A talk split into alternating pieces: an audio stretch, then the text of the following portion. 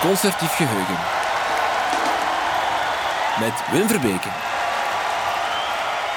Het is zaterdag 23 december, het is 10 uur, het zijn feestdagen, hoogdagen en het is hier vandaag echt wel feestdag, hoogdag. Normaal gezien hebben we het over één concert.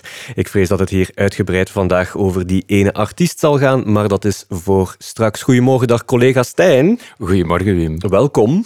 Dankjewel. Um, ik wil eerst en vooral wel even weten, voor we naar de concerten en uh, de artiest gaan, waar, die, uh, waar het misschien in het algemeen is uh, begonnen en fout gelopen qua muziekbeleving. Wat, zat er, wat lag er op die paplepel? Want het komt van die paplepel, maar wat lag erop? Het komt zeker van die ik zou bijna durven zeggen papa-mama-lepel. Uh, mijn ouders, uh, mijn vader is ondertussen uh, ergens in de muzikale hemel aan het rocken met mijn helden. Ja. maar mijn ouders zijn alle twee muzikant. Die hebben elkaar leren kennen op het uh, conservatorium in Antwerpen. Ja. Dus voor mij was het heel normaal om uh, met muziek omringd te zijn. Een piano, een contrabas, een mhm. viool, gitaar, alles lag bij ons in huis. Uh, ja. Ook als speelgoed eigenlijk.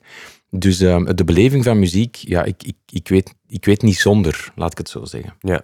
En passief dan? Is er muziek ook in huis? Staat er muziek op? Uh, er stond heel veel muziek op altijd. Uh, wel, weliswaar veel klassiek, maar ook Franse chanson. Mm -hmm. um, Barbara Streisand. Uh, mijn liefde voor Herman van Veen is ook gevoed door mijn ouders. Ja, ja. Maar um, ja, al, al snel ook zelf muziek maken. ja. Ja, al spelend. Mm -hmm. in, een, in een kinderkoor gezeten van Mia Vink, die toen nog ah, zorgde voor de koren uh, de koorpartij in de operas in Antwerpen en in, mhm. in, uh, in andere operas. Dus dat was heel leuk om, uh, om zo muziek te beleven, zeg maar. Als jonge gastpuber durf je dan wel eens te gaan afzetten tegen wat er thuis te horen is. Doe je dat ook op die leeftijd?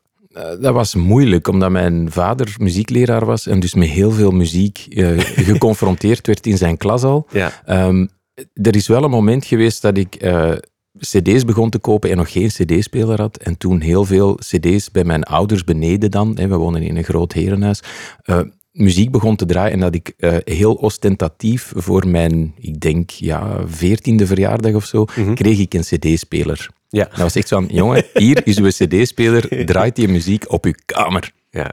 Maar het echt afzetten, ja... Um, het concert waar we het straks over gaan hebben, mijn ouders hebben mij daar afgezet. Ja. Uh, die vonden dat geweldig en die hadden achteraf ook spijt dat ze niet mee binnen waren. Om maar te zeggen, dat, het was heel moeilijk. Mijn, mijn ouders staan voor heel veel uh, muziek open. Ja, we zullen straks te horen krijgen dat je al heel uh, jong bent nog bij dat concert. Dus mm -hmm. je gaat al heel jong ook naar concerten? Ja, ik denk, ik, ik heb uh, op de weg naar hier daarover nagedacht. Ja. Uh, wat mijn eerste bewuste rockconcertervaring dan was. Want als kind ging ik sowieso al heel vaak naar de kerk en hoorde ik ja, grote ja. koren waar mijn vader dan koorleider van was uh, zingen. Dus dat is eigenlijk ook al een concert. Maar het eerste rock and roll concert was volgens mij in, ja, ik denk 7 of 88. motorrijders voor MS. Ik weet niet mm -hmm. of dat u dat nog iets zegt. Nee. Dat was dan in Antwerpen, waren allemaal stoere gasten met Harley Davidsons. Die reden rond en dan op de Vlaamse kaai, waar uh, daarna ook de Singse voor was, stond een circustent en daar speelden onder andere de Scaps. En die hebben toen een enorme indruk op mij nagelaten. Okay. En dat was voor mij ook de eerste bewuste ja, um, concertervaring. En toen voelde ik ook, ah ja, dit is... Zo kan het natuurlijk ook, met, met trommels en met gitaren en, ja. en, en ruig. Hè? Willy Willy was nog heel jong toen en die stond te scheuren zoals tot op het einde van zijn dagen. Maar dat, was, ja, dat, dat heeft wel indruk gemaakt. En nog beter dat dat lokale helden zijn, dat het dan ook kan van, vanuit België? Dat je denkt ik wist van... niet eens dat dat Belgen waren. Ah, nee, okay. Dus dat was voor mij gewoon wauw. Als je goed naar hun Engels had geluisterd, had je dat misschien... Ja, ik was toen zelf een jaar of een jaar negen of zo, dus ik weet, ik weet het niet meer zo goed. Ja, ja. Uh, we zijn uh, vakkundig rond de, de man en de naam aan het uh, omzwermen. Um, ik vraag mij af, als die artiest dan straks in het verhaal komt, blijft er dan toch nog plaats voor de rest? hoe blijf jij breed naar alles luisteren en kijken? Of gaat dat toch in richting uit wat er in de platenkast staat? Um, nee, gelukkig is dat wel breed uh, gebleven. Er is, er is een moment van vernauwing geweest. Ja. Maar ik, had, ik heb een grotere broer, die mm -hmm. 2,5 jaar ouder is. En wij um, zijn opgegroeid in de jaren 80, 90, waarin dat je... Dat was het heel normaal dat je um, voor een volledig uiveren van een artiest ging. Je, ja. je, je werd fan van Björk, dus je kocht alles van Björk. Of mm -hmm. je was fan van uh, Pink Floyd, dus je, je zocht alles van Pink Floyd. Ja. Toen was er nog uiteraard geen streaming platformtoestanden. Ook downloaden was nog niet, er was gewoon geen internet. Dus dan kocht je gewoon alle platen van Pink Floyd. Ja. En- dat deed mijn broer dan, die kocht alles van Metallica, alles van Pink Floyd, alles van Led Zeppelin. En, en dus hij had ook eh, twee platendraaiers en, en begon al vroeg te DJ'en en dat soort dingen. Maar dus het idee om van een bepaalde artiest alles eh, in huis te halen, was heel normaal. Ja. Zij het zelfs met cassettes of dat soort dingen. Dus zo ook bij de artiest die we straks zullen benoemen, aangezien hij zijn naam terug heeft genomen op een gegeven moment. Ehm, ja, was ik dan op benieuwd om al die muziek te vinden. Maar gelukkig, eh, door de artiest wiens naam we nu nog steeds niet uitspreken, heb ik ook wel veel andere muziek leren kennen. Want het, Ja, het, ja. het maffe was, hij zei altijd van ja, eh, ik maak de beste versies van mijn nummers, maar zelf coverde hij bij de Vleet. Ja. En daardoor eh, kreeg ik nog meer liefde voor Stevie Wonder, Sly Family Stone. Mhm. Eh, veel hip-hop heb ik ook altijd wel geluisterd. Ehm, en ik ben altijd wel ja, op zoek blijven gaan naar, naar andere muziek. Maar het, is een feit, eh, ik heb een tijdje een beetje in een tunnelvisie gezeten. Ja, een tijdje. De dokter zegt dat het goed gaat met u momenteel. Dus, Ja. eh, eh, ik vraag me wel af, dat bataljon Sins dat we rond jou kennen op een podium, Ja. van waar komt dat dan? Waar, waar is die wereld erin geslopen? Die wereld is er bij mij ingeslopen door, wederom door mijn broer, die op een gegeven moment elektronische muziek begon te draaien ook. Heel veel house, techno vooral, eh, en dan op een gegeven moment ook electro. Ja. Ehm, dat is zo ja, eind jaren 90, denk ik. En toen heb ik zelf eh, een drumcomputertje gekocht, eh, waar dat ik heel blij mee was, de Roland TR505. En dan was er al wel internet en dan zocht ik dat op en dan stond daar direct bij dat dat de slechtste drumcomputer ooit was. En ik dacht, oh verdorie, en ik ben er zo blij mee. Dus ik heb dat ook weggeduwd en dan... ehm, toen voelde ik met die drumcomputer van, ah, dat is eigenlijk wel leuk. Ik had Ja. toen al een paar groepjes gehad. Maar daar moet je altijd mee afspreken. En daar moet je uh, agendagewijs moet dat lukken. Uh, jongens zijn verliefd uh, en, en hebben dan gedoe met hun vriendin of vinden geen lief. En wat dat waren vaak ook therapeutische sessies weer dan aan een tijd. En ik voelde ook van, ah, ik heb eigenlijk gewoon zin om te ja. zingen. Dus door het aankopen van die drumcomputer en een, een synthesizer te lenen van een vriend en dan uh, kabels te steken waar ze niet mogen steken, um, heb ik ook ineens gemerkt van, hey, ik kan ook gewoon zelf muziek maken en die apparaten zijn altijd, uh, ja, soms mankeert er iets, maar meestal zijn die wel blij en happy als je die stroom geeft. En toen... Uh, ben ik muziek beginnen maken en voelde ik ook, ah ja, zoals een gitarist veel gitaren heeft, ik koop gewoon ja. verschillende synths en dan komt daar verschillende klanken uit. En in die groepjes daarvoor zing je nog niet? Ik zong in die, in die Ah, groepjes daarvoor wel, Ja, maar dat was het enige dat ik deed. Ik zong Ah, dan zo met, met een micro door een klein gitaarversterkertje, moest ik ook roepen om Tuurlijk. daar bovenuit te geraken. Ehm, maar dat waren hele leuke tijden, hè, daar niet van. Ik Ja. heb altijd graag met mensen samengespeeld. Maar dus op een gegeven moment voelde ik, hey, als ik dingen alleen wil maken en doen, is het handig om verschillende apparaatjes erop mij te... En dat is ook de periode waarin dat de computer en de laptop eh, meer naar boven kwam en Ja. dat veel mensen hun synthesizers de deur uitzwierden. Ik had geen geld voor eh, computers op dat moment. En het rare, hè, toen waren die dingen goedkoop. Ja. Dus kocht ik toen dat soort eh, Timing is alles. bakken. Ja, Ja. inderdaad. Wij stellen jou dan de onmogelijke vraag om een concert naar voren te gaan schuiven. Zoiets als een memorabel, misschien het beste concert dat je ooit gezien hebt. Je antwoordt meteen met toch wel een hele rits aan namen. Eh, je hebt er daar al een paar van eh, vermeld. Noem eens op, wat heb je allemaal gezien dat toch zeker meteen in jouw geheugen naar boven komt? Ik ga achterstevoren werken. Apex Twin eh, heb ik nu al een paar keer gezien. Ik vind dat echt heel tof om die live te zien. Ja. Eh, maar evengoed eh, Nick Cave, eh, Portishead, Lou Reed, die Berlin komt spelen in, in Ja. Vorst, was geweldig. Tori Amos, ook leuk. Björk had ik al gezegd. Veel Beck, ook ehm, nog gezien dat ik leuk vond. Ehm, ja, toch Herman van Veen als kind vaak Mhm. gezien en dan een, een, veel- zoveel jaar later nog eens gaan kijken Ja. met het hele gezin. En dat vond ik echt ook fantastisch. Dat zijn momenten die memorabel zijn. Ehm, Doe maar een paar keer gezien. Eh, ook toen met hun comeback, dat ze eerst speelden en dan daarna beroofd werden van hun eh, materiaal. Ja. Eh, Dus eerst in Gent in de vooruit en de dag daarna stonden ze in de AB. En dan zeiden ze ook heel lief in het begin van het concert, ja, we hebben België op twee heel verschillende manieren leren kennen, want dus al hun gerief was gepikt. Eh, Sonic Youth, D'Angelo, vind ik ook geweldig. Ehm, ik hoop ook dat hij op een dag nog terugkomt. Ehm Ja. Overlaatst in de AB, een paar jaar terug, maar ze Ja. komen binnenkort terug. Mhm. Eh, Air, geweldige show in de Ja. AB. Ik, ik, weet het niet. Al kaartjes voor? Ja, voor de Roma, het is gelukt. Oké, Eh, ik niet, maar Gent Jazz dan wel. Geen jazz, lost dat allemaal op. Zit er, we gaan je even op de sofa leggen bij de psycholoog, zit er een lijn in die concerten? Wat, wat doet het hem voor jou? Wat maakt voor jou een goed concert? Als de artiest in kwestie ehm, genoeg ehm, haar of zijn eigen goesting doet. Dus ik merk dat ik sowieso als kind ook al, of als jonge persoon, eh, niet enorm fan was van ehm, festivals.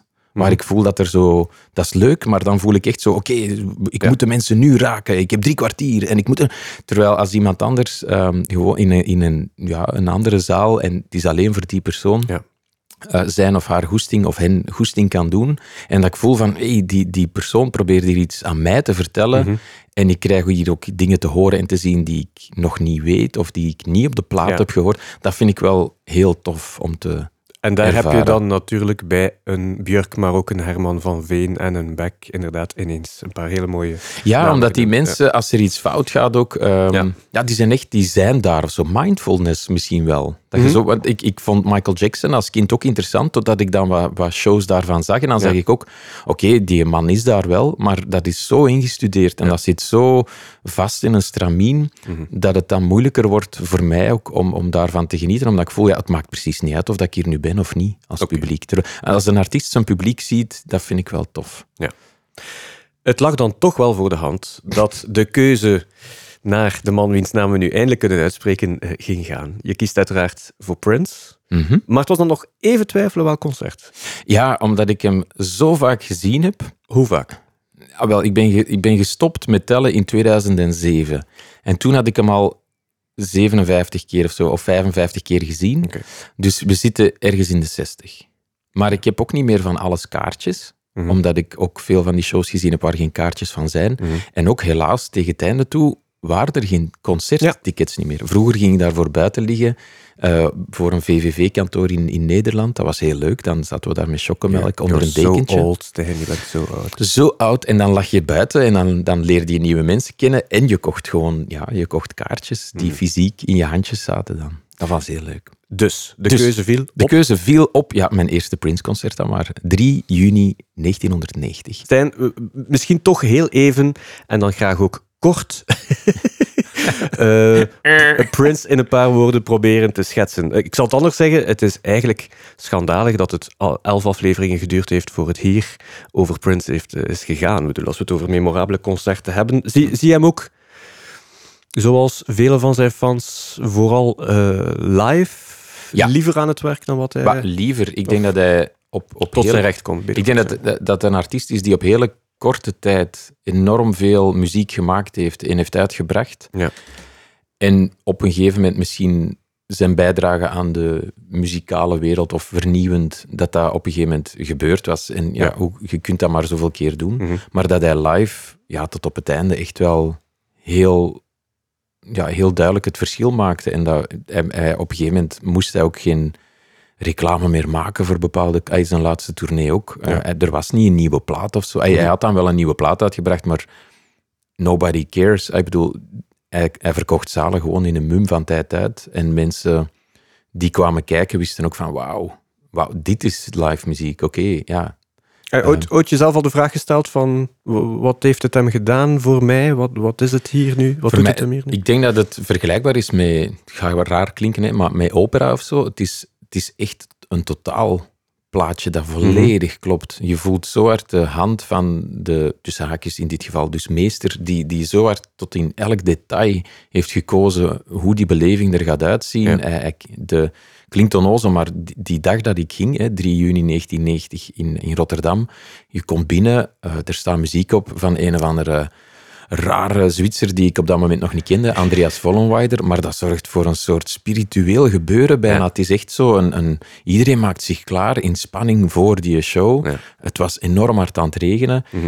maar vanaf dat die show begint voelt je, wauw, het is hier aan het regenen, maar die, eh, die jonge gast, op dat moment ergens in de dertig, heeft de touwtjes in handen en Ja. die, die dirigeert zijn groep, maar heeft ook respect voor zijn groep. Het is ook de show, eh, de, de dag daarvoor had hij ook al gespeeld, maar in die show stelt hij zijn nieuwe groep ook voor. Ik- Ja. het, het klinkt heel normaal, maar tegenwoordig is er met momenten veel minder aandacht voor de muzikanten. Ook ik ben naar Beyoncé geweest en daar ook. Ik zat wat op mijn honger. Qua, die muzikanten waren geweldig, maar ik zag ze de helft van de tijd. Ja. Prince is, is een meester in, in... Hij vraagt het onderste uit de kan, maar hij zit elke artiest die met hem werkt wel echt op een piedestal. En dat vond ik geweldig om mee te maken op dat moment. Ik voelde echt van, wauw, ja, dit is een concert. Ja. Hier gebeurt iets, hier, hier lopen bij wijze van dingen, ook, eh, dingen fout, maar hij lost dat op en, en hij... Die interactie met dat publiek, ja, dat, dat, dat bleef mij direct bij. Dat, ik voelde direct van, oké, dit is wel next level. Ah, dat is met alle respect voor de scaps, maar dit is wel, wauw, Ja. dit is echt wel een concert. We spreken over, over eh, 30, 40 jaar fanschap bij jou. eh. Bijna zo lang als, als de man zijn carrière zelf. Je hebt hem waarschijnlijk bij tijden ook moeten verdedigen. Het is niet altijd even politiek correct geweest om hem dan goed te vinden. Hij was Goh, dan hij- populair, niet populair. Eh, hij is op een gegeven moment een heel ander pad ingeslagen en Ja. heeft inderdaad, eh, we hebben er juist er al mee gelachen, eh, zijn naam ook veranderd en dat Ja. soort dingen. Ehm, dat, dat was niet de periode waarin dat ik ja, van de bergen bleef afroepen. Ah, Ik, had- ik had ook geen zin meestal in dat gesprek. Ik had zoiets van, "Oh, u- u- u- uw held is naam veranderd, hè, wat is dat met die zijn muziek? Ik had zoiets van, ja, Nee. dat is Prince, ja, whatever. En hij heeft zijn naam nu veranderd. Ah, ik vond dat niet altijd even prettig, bij wijze van spreken. Maar hoe onderschat is hij toch? Hoe onderschat? Ik denk, dat weet ik niet. Ik kan dat niet helemaal invullen, maar ik voel wel aan, aan meerdere mensen die nu pas zijn muziek ontdekken, dat eh, ik denk dat het helpt dat er op dat vlak dat hij er niet meer is. Klinkt wel raar, maar zijn, zijn persona en hoe dat hij zichzelf profileerde overschaduwde vaak zijn talent, denk ik. Ja.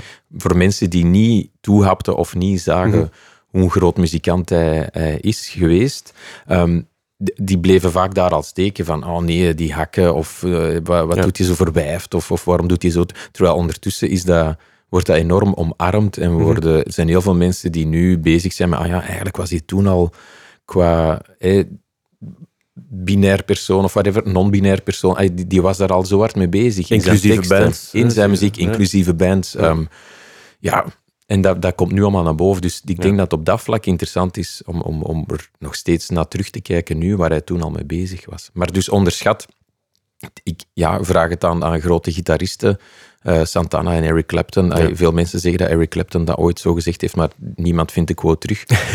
dat iemand vroeg aan Eric Clapton, hey, hoe voelt het om de beste gitarist te zijn? En dat, dat die zei, eh, ja, vraag het aan Prince. Ehm, ik, ik, hij speelde goed gitaar, hij speelde graag drum, eh, hij speelde veel instrumenten graag, denk ik. Ja. En- ook goed. Ja. Hij heeft heel veel geoefend. En dat is het stuk dat nu ook naar boven komt. Ja. En dat is wel mooi om te zien, dat, dat zo die repetitiebeelden komen.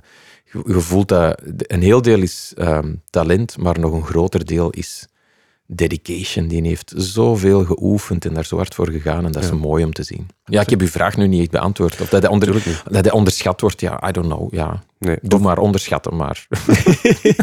Weet je nog hoe hij ooit op jouw pad is gekomen?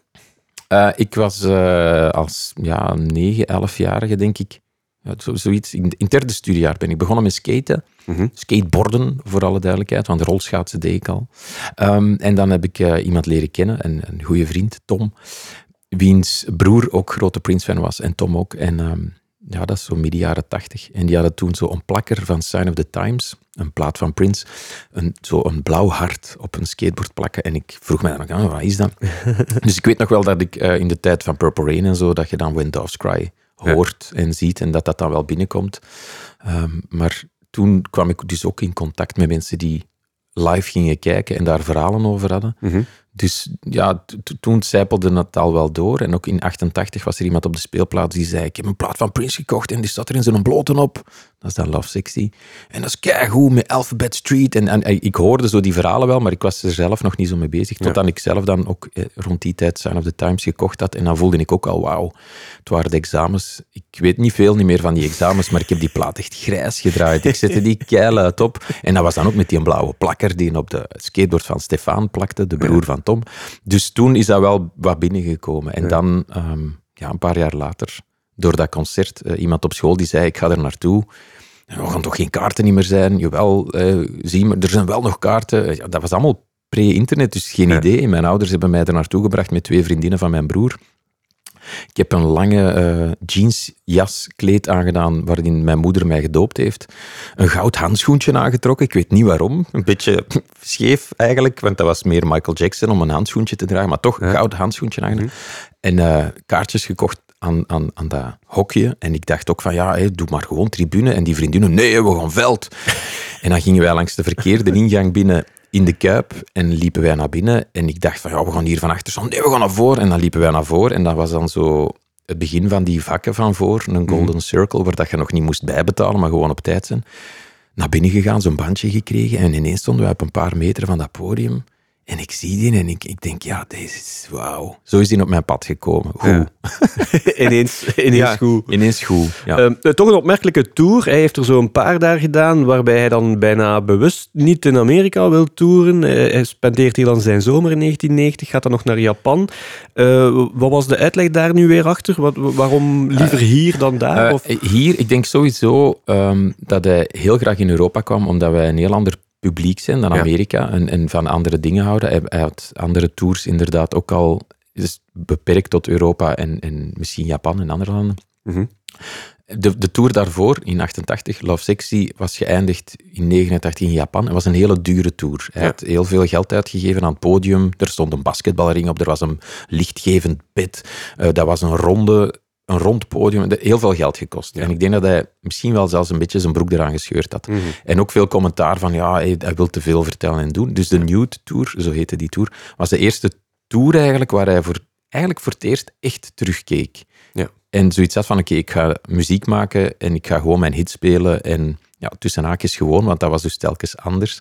Uh, maar ik denk dat dat het idee was van, oké, ik ga nu rap dat er nog tussen crammen, want hij was toen ook bezig met een film die hij al wou maken sinds 82, Ja. Graffiti Bridge, dus nog voor Purple Rain. En hij is tijdens die tour, en hij heeft de film, is de film niet ten goede gekomen, is hij heel vaak tussen shows in uh, terug naar Amerika gevlogen Ja. om te monteren, om nog aan de muziek te werken, de ditjes, de datjes. Dus eigenlijk een heel uh, scattered tour, een beetje bizarre tour, maar op zich een mooi instapmoment. Ook een fel besproken plaat op dat moment die uit is. Je hebt Love Sexy aangehaald en je speelt... Maar we zitten daar met, het, met de Batman-periode. We zitten met Batman en dat was um, opnieuw een, een, een solo-project. Ja. Hij had de groep na Love Sexy eigenlijk wat ontbonden. Hij heeft ook Ja. heel veel mensen buiten gegooid uit zijn entourage, omdat er te veel dingen fout liepen Mhm. in zijn ogen. Dus die Batman-plaat staat vol met samples. Op dat moment ook heel nieuw. Ja. Um, en hij heeft uh, van die Batman-plaat maar enkele nummers live ook gebracht. Mhm. Zijn de Partyman... Uh, Future. en dan een stuk van Bad Dance and the Future. En dat was het dan ook. Um, omdat dat gewoon te ingewikkeld was. Ja. Er, zijn, uh, er zijn opnames van, van rehearsals waar hij ook ja, Vicky Waiting speelt of Sex in, in B-kant van Ja. Scandalous. Maar um, je voelde ook gewoon van oké, dat is misschien te ingewikkeld gewoon om te doen. Um, dus die Batman-plaat, daar had hij ook heel veel uh, ja, backlash gekregen qua het is te commercieel en, Ja. hij, en hij gaat voor het succes. Terwijl dat, dat wel een belangrijke plaat was om te bewijzen aan Warner, onder andere van zie, ik heb het nog steeds. Ik merk al zelf dat ik, dat ik jouw mening heel vaak mag delen. Ik ben dan toch zeer benieuwd naar de volgende vraag. Ja. Questlove heeft wel eens heel eerlijk geschreven van oké, die platen, vele daarvan klinken gewoon heel slecht. Hoe kijk jij daarnaar? Ik heb dat nooit zo ervaren. Nee. Dus dat, kan, van, dat hangt er vanuit, vanaf uit, vanuit welk opzicht dat je dat bekijkt. Um, ik denk dat die, die platen, ik heb het er over laatst met een vriend nog over gehad, Prins hield, hield enorm van luid. Mm -hmm. En dus heel veel dingen klinken overstuurd. Of, ja. uh, veel mensen denken ook dat hij een perfectionist was, maar ik denk dat hij eerder een controlefreak was. Ja. Want heel vaak um, zijn er dingen die hij opgenomen heeft. Hij, hij nam meestal een nummer op een dag op. Mm -hmm. En hij bleef eraan werken tot het klaar was. Ja. En of dat die platen nu goed of slecht klinken, um, de Beatles klinken ook goed uit een monoboxje in de Mhm. kamer hiernaast. Ik Ja. denk dat gewoon, ge- hij wist op een hele makkelijke, maar makkelijk voor ons, ogenschijnlijk makkelijke manier, een groove te maken en daar een nummer rond te bouwen. Uh, ik denk dat hij nooit enorm hard, eh, dat is puur wat ik denk, maar enorm hard bezig was met de perfecte sound. Ja. Uh, het moest vooral snel gaan. Uh, gehoord van veel mensen die met hem gewerkt hebben, dat als hij de studio inkwam, dat hij heel ongeduldig kon zijn aangaande, ik zit nu toch gewoon een micro op die snare drum en ik wil gewoon kunnen spelen. Ja. Dus ik denk dat hij uh, meer daarmee bezig was met het, het, het, pakken van het moment dan uren te zitten zoeken naar de EQ op een snare drum, inderdaad. En dus dat kan, als je daar heel gevoelig voor bent, bijvoorbeeld misschien Questlove, dat hij zegt, dat klinkt rotslecht, maar een van mijn lievelingsplaten van Prince die ik echt op een gegeven moment een jaar lang elke dag heb gedraaid. Puur, ja, gewoon, weet ik veel waarom. Was Dirty Mind. En dat is nu echt een plaat die ja, volledig tegen alle regels van het opnemen is gemaakt. Hij heeft die zelf in zijn kelderke gemaakt, bij wijze van spreken. Alles klinkt redelijk overstuurd, en, maar je voelt daardoor ook een soort van spanning die heel aangenaam is. Je voelt, dat doet iets met je bloed, zonder dat je dat weet. Er, er komt adrenaline vrij door gewoon te luisteren. En op zich denk ik wel dat hij heel bewust koos dat zo goed als alle instrumenten heel prominent aanwezig zijn. Mhm. Miles Davis heeft het daar ook over dat hij op een bepaalde manier heel veel ruimte wist te creëren. En je voelt dat ook als hij, als je volgt hoe hij baslijntjes inspeelt. Je denkt dan, ah, nu gaat dat komen, maar dan laat hij dat zelfs weg. En je moet dat invullen met je hoofd, waardoor dat nog leuker klinkt of zo. En ik, ja, ik, dus ik, ik treed in deze Questlove niet bij.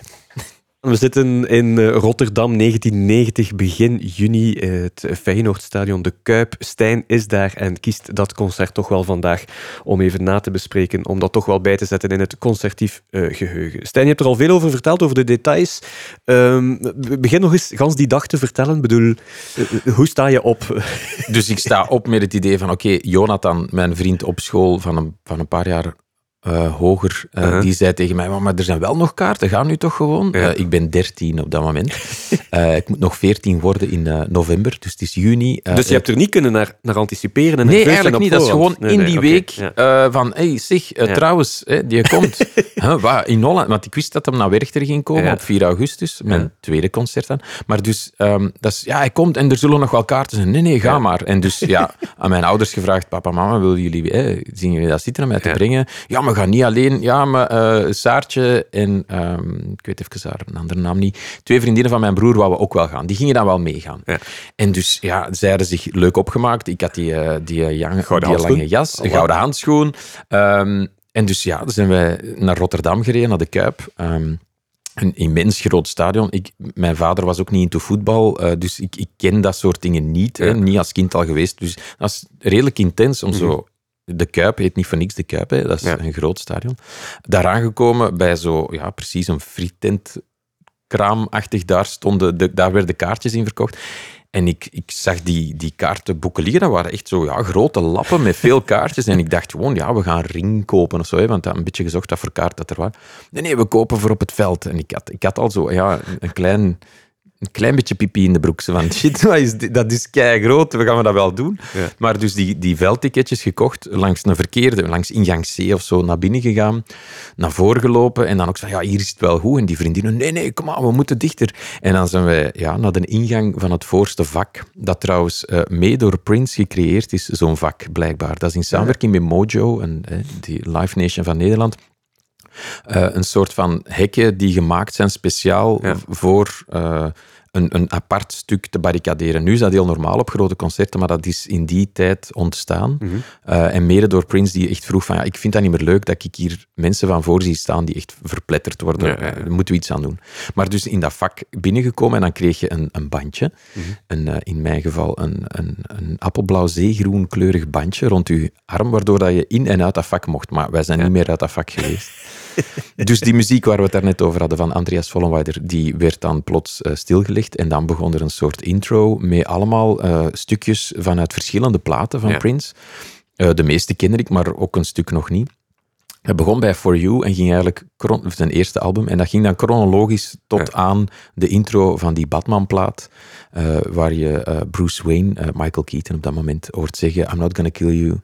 I want you to tell all your friends about me. Who are you? Zegt die eh, acteur dan. I'm Batman. En dan begon The Future, wat we daarnet ook gehoord hebben. En hij, hij, hij stond op een, een voor hem redelijk leeg podium, dat wel deed denken ook aan de sets van 1999 of Controversy, met een soort grote loopbrug van achter. Mhm. Eh, zijn de letters van zijn naam kwamen in plexiglas naar boven. Prince. En dan kwam hij ehm, na de intro, eh, het introotje dat ik net besproken heb, kwam hij naar boven en hij stond boven op die brug. En heel dat nummer lang, The Future, staat hij ook alleen op die brug en is de band wel aan het spelen, maar blijft hij boven. Dus daarna begint eh, 1999 met dezelfde beat. En komt hij ook voor het eerst naar beneden Ja, langs een grote, ja, er was zo een soort gouden ehm, ja, leuning waar hij langs naar beneden slipte.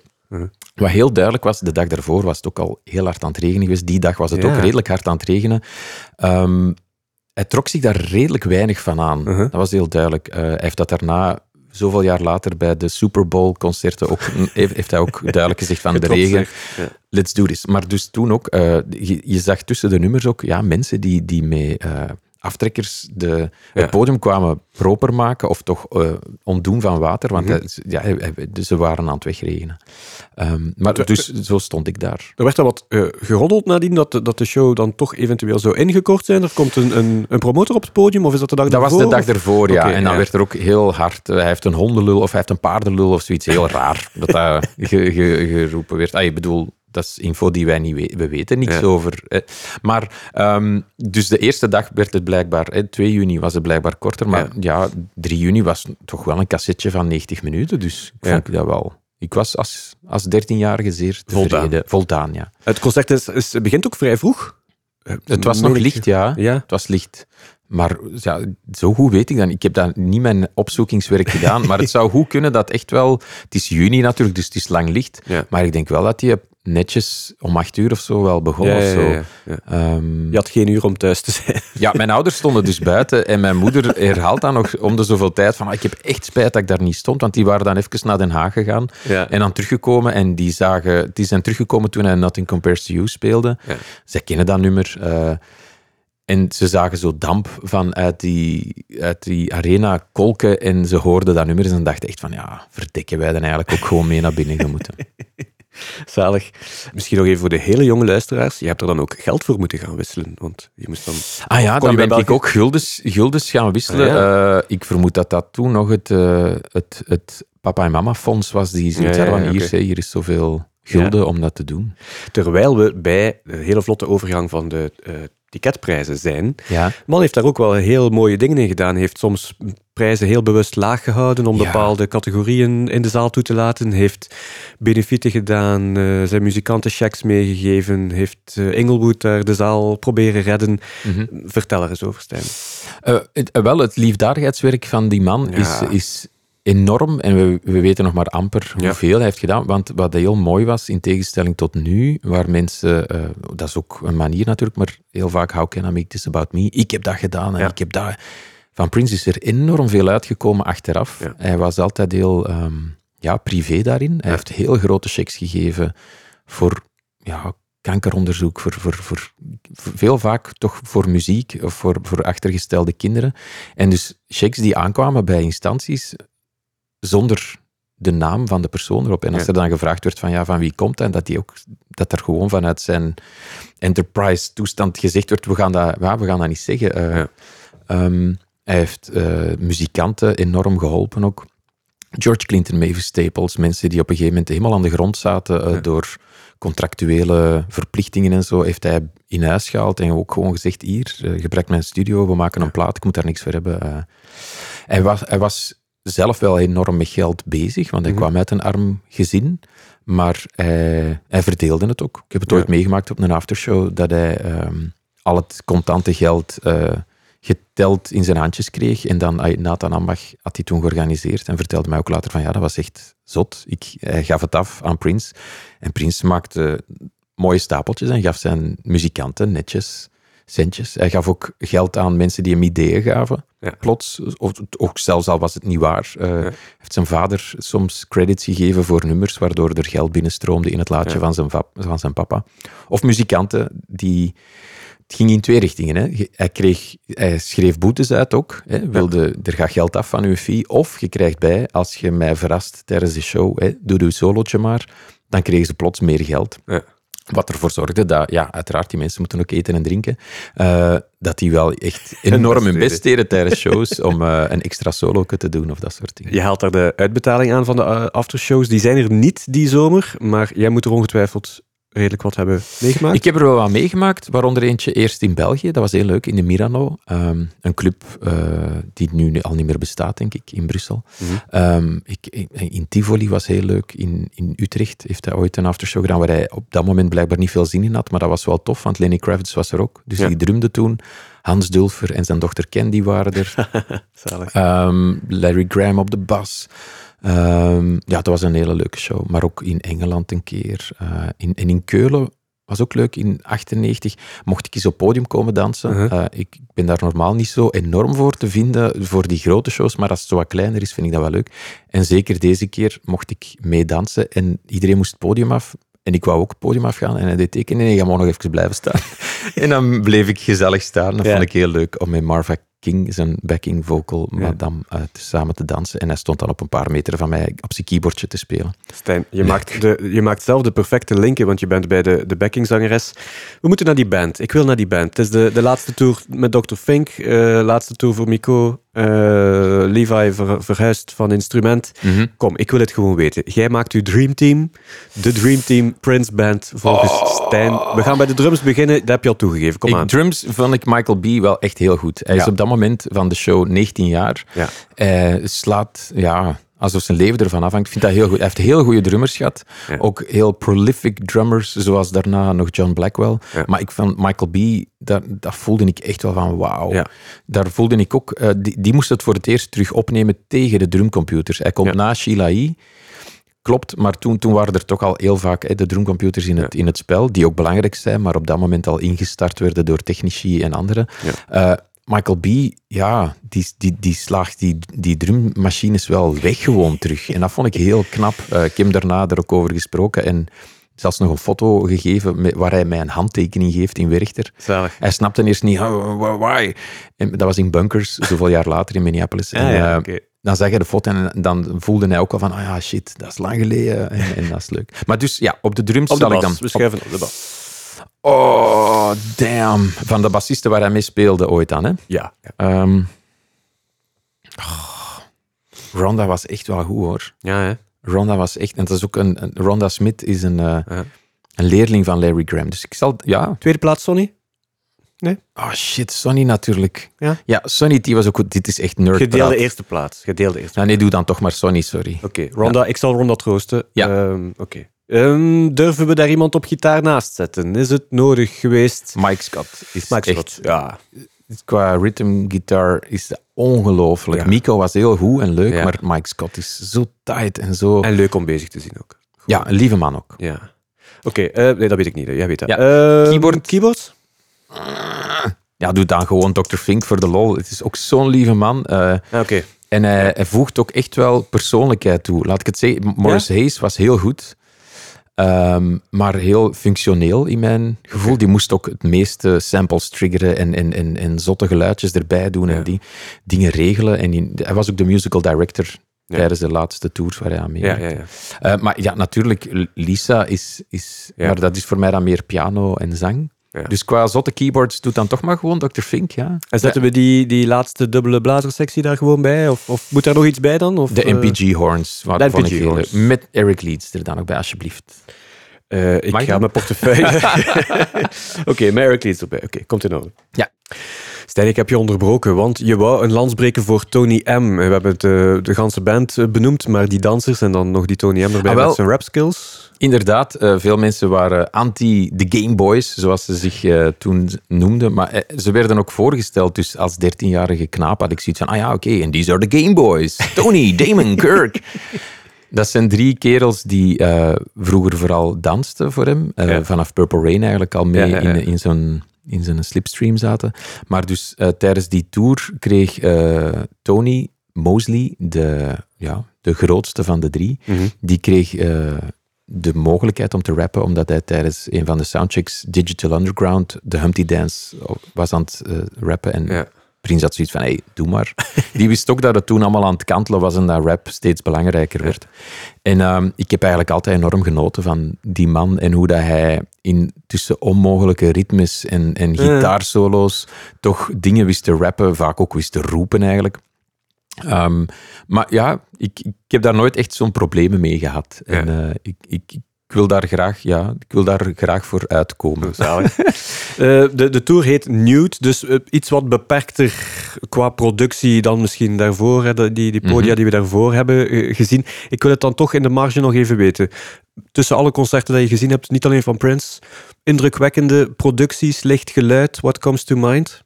Ah, dus van alles wat ik gezien Van alles heb... wat je ooit gezien hebt, mag ook bij Prince zijn uiteraard. Ah, wel, ja, dan overlaatst weer die Apex Twin in Londen. Dat was toch indrukwekkend, zeker Ja. qua, qua visuals. mhm. Maar qua licht en geluid... Oh, ik denk Radiohead ooit een keer in, in het Sportpaleis. Mhm. Dat ik wel de beelden echt heel, heel knap vond ook. Maar ik vind dat toch vaak ook allemaal afleiden, enorm. Dus Ja. dan vond ik zo'n nude eigenlijk wel tof, dat dat redelijk beperkt was. Want van Prince ook heb ik daarna, de Diamonds and Pearls Tour, was met heel veel beeld en heel veel licht en met een Mhm. vliegend bed en dat soort dingen. Dat hoeft eigenlijk allemaal niet zo voor mij. Ja. ik vind het wel leuk als, het- als het intiem en klein is, want zeker die aftershows waar we het daar net over hadden, Ja. ja, dat is toch... Dan voelde echt zo de, de breekbaarheid en, en, en het risico dat genomen wordt. Ehm, ik heb prachtige shows van... Ja, bijvoorbeeld Janelle Monet een keer in, in ehm, Botaniek gezien. Dan was het heel donker. Ja. Dat was wel leuk. Maar daarna ook eens een keer in een AB. En dan dacht ik ook, oei, dat is hier... Die had een stadionshow... Ja, een grote show oei. eigenlijk in een klein Ja. eh, hokje gekrampt. Oei. Dat was allemaal niet zo... ay, ik vond dat muzikaal geweldig en Janelle ook prachtig, maar ik- dat was niet echt nodig voor mij of zo. En komt er dan toch ooit eens een kritische noot aan het adres van onze held? Dan bijvoorbeeld qua productie of podium of licht of band? Eh, kritische noot. Ja, als je het over band wilt hebben. Ik, ben, ik was zelf niet enorm mee met Third Eyed Girl. Ja. Ehm, de band die volledig uit vrouwen bestond. En waar dan ook stiekem wel Josh, de man van Hannah, de drumster, eh, keyboard speelde eh, in de coulissen of eh, Ja. bij de soundboard. Wauw, ook allemaal oké is. Ehm, ik, ik, ik snapte de boodschap meer dan de muziek. Ja. Ik, ik zat soms op dat vlak wat op mijn honger of, of ik, ik moest er wat in komen. Eh, ik, ik heb van die, die tournee, dat is dan zijn laatste tournee in Europa, ook wel een hele leuke show gezien in, in Londen, Mhm. die aangekondigd werd de dag zelf en als akoestische set werd voorgebracht. Dan begon hij ook akoestisch, maar daarna waren het de dames erbij en dat was op zich leuk, maar ik voelde gewoon een soort van, hoe moet ik dat zeggen, toch een beetje een verlangen naar een, een groep met meer eh, kennis van de backcatalog, waar Ja. hij vroeger mee speelde, waardoor dat hij eender welk liedje kon oproepen en als ze dat dan speelden. Daar voelde ik nu soms wat de beperking, maar op zich snapte ik vanuit zijn standpunt wel dat hij daar heel veel zin in had. Maar dat heeft mij minder geraakt toen of zo. Ik heb nog één kaartje voor, een, voor nog één nerdvraag. Dus eh, de laatste dan. Doe maar, doe maar. Die laatste jaren had Ja. ik het gevoel dat zowel aan de mengtafel als qua backliners, dat daar soms mensen stonden die daar voor het eerst stonden, die hem niet goed kenden. Dat ik dacht van, hoe kan dit? Waarom wordt die gitaar nu niet gebracht, meegenomen? Waarom staan die keyboards nu toch niet op het volume? En dan moet hij daar beginnen roepen en doen. Wa- wa- Wat was daar, als je ze weet, wat was de aanleiding of wat was er volgens jou daar het verhaal? Ik weet niet wat de aanleiding is. Ik weet wel dat hij zich heel vaak omringde met nieuwe mensen. Ja. Eh, en dat dat een, een dingetje was. Ja. Ehm, achteraf gezien misschien omdat hij zelf ja, het vuur aan zijn schenen wou leggen of niet wou dat mensen achter bepaalde dingen kwamen. Dat weet ik ook niet. Nee. Maar ehm, ik heb op een gegeven moment een gitaartechnieker leren kennen in 2010 en dat was inderdaad een ventje van ja, begin in de twintig. Ja. Die zijn job heel graag deed en zo goed mogelijk, maar ehm, ik denk dat hij heel, eh, heel snel wel mensen kon afrekenen op eh, het niet goed genoeg doen of, of dat soort Ja. dingen. Waardoor hij met momenten ook wel ja, mensen kwijtspeelde of zo. Eh, die gewoon ook echt iets hadden van... Ik, ik trek dit niet meer. Eh, Ja. Ik heb in veel verhalen gehoord van mensen die met hem gewerkt hebben, dat, dat hij zelf eigenlijk bijna nooit iemand ontsloeg, dat je jezelf ontsloeg. Ja. Dus er zijn mensen die na een tijd opgebrand waren en de handdoek in de ring gooiden. En ik denk, ja, naarmate het, het vorderde in zijn carrière, dat er steeds minder mensen misschien zin hadden om nog tot het uiterste te gaan, omdat die ook allemaal ouder werden en ook wel een familie en een gezin en wel ook aan kinderen dachten of dat soort dingen. En dat is natuurlijk, ja, not done of eh, niet zo handig. Dus in zijn entourage waren, er zijn verschillende mensen die lang zijn meegegaan, Mhm. maar zo backliners of, of mensen die monitors doen. We hebben zelfs eh, een Belg gehad, een BO, die Ja. dan een tijd gedaan heeft en dan mee mocht, maar na één of twee fouten lieden eruit. Ehm, Ja. eh, ja, ik weet, ik weet niet, niet helemaal waarom dat, dat zo zou Ja. Ik heb er wel veel verhalen over. We gaan eh, bijna naar de feestdagen. Er komt eh, de volgende week een nichtje naast u zitten, die heeft haar nieuw lief mee. Die kent Prince niet. Wat is het eerste dat jij opzet? Hoe moet die persoon in godsnaam daaraan beginnen? Oh. Ik zou eerst vragen hoe dat hij dat ziet zitten, want het is niks zo vervelend als een, als een oude cisman die u zegt wat je moet luisteren of zien. Dat is lief, zou- maar in deze, in deze moet niet. het gebeuren. Het moet en we helpen daarmee eh, kinderziektes de wereld uit. Dan zou ik denken, een, ik zou iets live eh, laten zien of horen. Ja. Ik zou dan zeggen, kom, ehm, we googelen eh, of YouTube. Oh, dat is moeilijk. Ik wist niet dat je dat ging vragen, Wim. Echt mooi. En, en ja, ik zou gewoon Sign of the Times opzetten, de concertfilm. Ook al is Ja. dat niet live, ook al is dat playback. Het is een hele mooie manier om die energie te voelen van een Mhm. show. En je ziet daar een, een, een jonge Prince die op een mooie manier een concertfilm heeft gemaakt. Ik zou dat doen, denk ik. Waar was je, Stijn, op 21 april 2016? Oh, ik, ik zat op de bank. Eh, Dat is hè, voor alle luisteraars en luisterettes die niet weten waar het over gaat. Dat is de dag dat Prince stierf. Ik zat op de bank bij mijn vriendin thuis een boek te lezen over mindfulness in je relatie. En mijn vriendin kwam thuis en die zei: Oei, schat, ik heb iets raar gehoord op de radio. Het is nog niet zeker, maar misschien is Prince dood. En toen, eh, ja, ik voelde het wat bibberen onder mijn lichaam. En ik ben toen rap naar een eh, geheime dark web Prince site gaan kijken. En daar stonden al heel veel berichten over. Effectief, er is iemand gestorven in Mhm. Paisley Park. We weten Ja. nog niet wie het is. Maar dan, ja, na een tijd op TMZ en op andere sites kwam het echt wel naar boven dat het dat was. En toen is mijn telefoon ontploft eigenlijk Ja. heel veel vragen gekregen om van alles te doen. Ik heb eigenlijk alleen met Luc Jansen een gesprek gehad op de radio, maar voor de rest heb ik eh, voor mijn gevoel hoe alles afgeslagen. Want ik had helemaal geen zin om met Serge Simonaar bij Van Gils te zitten, om dan te horen... eh, Lak. Nee, geen zin in. Nee. Je hebt er dan een hele tijd later, of, of een bepaalde tijd later, het dan toch omgezet, zelf ook een, een tribute toch op poten gezet, toch durven doen? Eh, Vertel, de, hoe, de AB had dat gevraagd. Ja. Eh, ik had dat al eens eerder gedaan, na Ja. een, eh, een andere show van de, van The Family, of Deluxe op dat moment. Ik- dus ik had al wel eens Prince-nummers gespeeld, maar de AB had toen iets van, ah, kom, wilde jij dat nu doen? Ik zeg, ik wil dat wel doen, maar niet direct. Ik, ga, ik heb er tijd voor nodig, ik zal dat op zijn verjaardag doen. En dan heb ik 7 juni, dus enkele maanden later, heb ik dat wel gedaan. Ehm, en ik voelde dat dat niet alleen voor mezelf Ja. louterend werkte, maar ook voor, voor de fans die daar zin in hadden en daarvoor open stonden om dat samen te doen. Dus dat is zeker niet, daarom heet het ook Stijn Plays Prince, eh, Ja. niet is Prince of eh, de Vlaamse Prins. Echt, eh, dat hoeft voor mij echt niet, dat is, ja, hoeft niet. Maar dus het feit dat wij samen konden komen en samen die nummers Ja. maken en dat ik dan inderdaad dat faciliteer, Ja. is, is, ja, dat is voor mij bijzaak. Ik vind dat heel leuk om te doen, maar ik vind het vooral het leukste om al die mensen samen te zien en te horen en dat, samen te zingen. Ja. En dat die elkaar terugzien, want wij zien elkaar steeds minder. Ja, ja, ja, ja. Vroeger zagen we elkaar allemaal op die concerten en nu is dat voorbij. Dus daarom doe ik het eigenlijk vooral. En denk je dan heel bewust ook na over, over details van... Nee, dit mag ik niet doen. Dit moet ik wel doen. Een, een Ik- woord, een bintekst, een, een Ik heb, lang, ik heb lang gedacht, Purple Rain gaan we nooit doen, dat is echt belachelijk. En Ja. dan heb ik dat voor- dit jaar voor het eerst eens gedaan, want dan was het lang geleden dat ik het nog eens gedaan had. Ja. En dat was eigenlijk heel leuk. Dat was heel louterend eh, op de piano. Ik heb ook wel gezegd, kom aan, jullie moeten allemaal wel meezingen. Dus dat is niet dat ik dat alleen gezongen heb. En dat Ja. deed enorm goed. Ik had dat niet verwacht. Mhm. En sommige mensen hebben nog altijd van, oh nee, er moet, moet afblijven. Maar ik zit van, ja, dat- ik, heb, ik heb het toch gedaan. Ik vond het heel leuk. Urgent-collega Stijn, jij maakt vanmiddag hier nog radio. Ja, tussen drie... Je bent er elke dus- zaterdag. Ja, dat is tussen vier en vijf op Ja. de radio. Maar je hoeft niet te luisteren. Mag ik jou ook gewoon op de reservebank zetten als we hier nog eens een gat hebben, dat we gewoon nog eens een Prince Show ertussen nemen? Of? Dat mag zeker. Ik wil ook over andere dingen praten, maar dat mag zeker. Ja. Oké. Hartelijk bedankt Stijn en alvast hele fijne feestdagen. Veel succes vanmiddag en tot een eh, volgende keer. Dankjewel, Wim.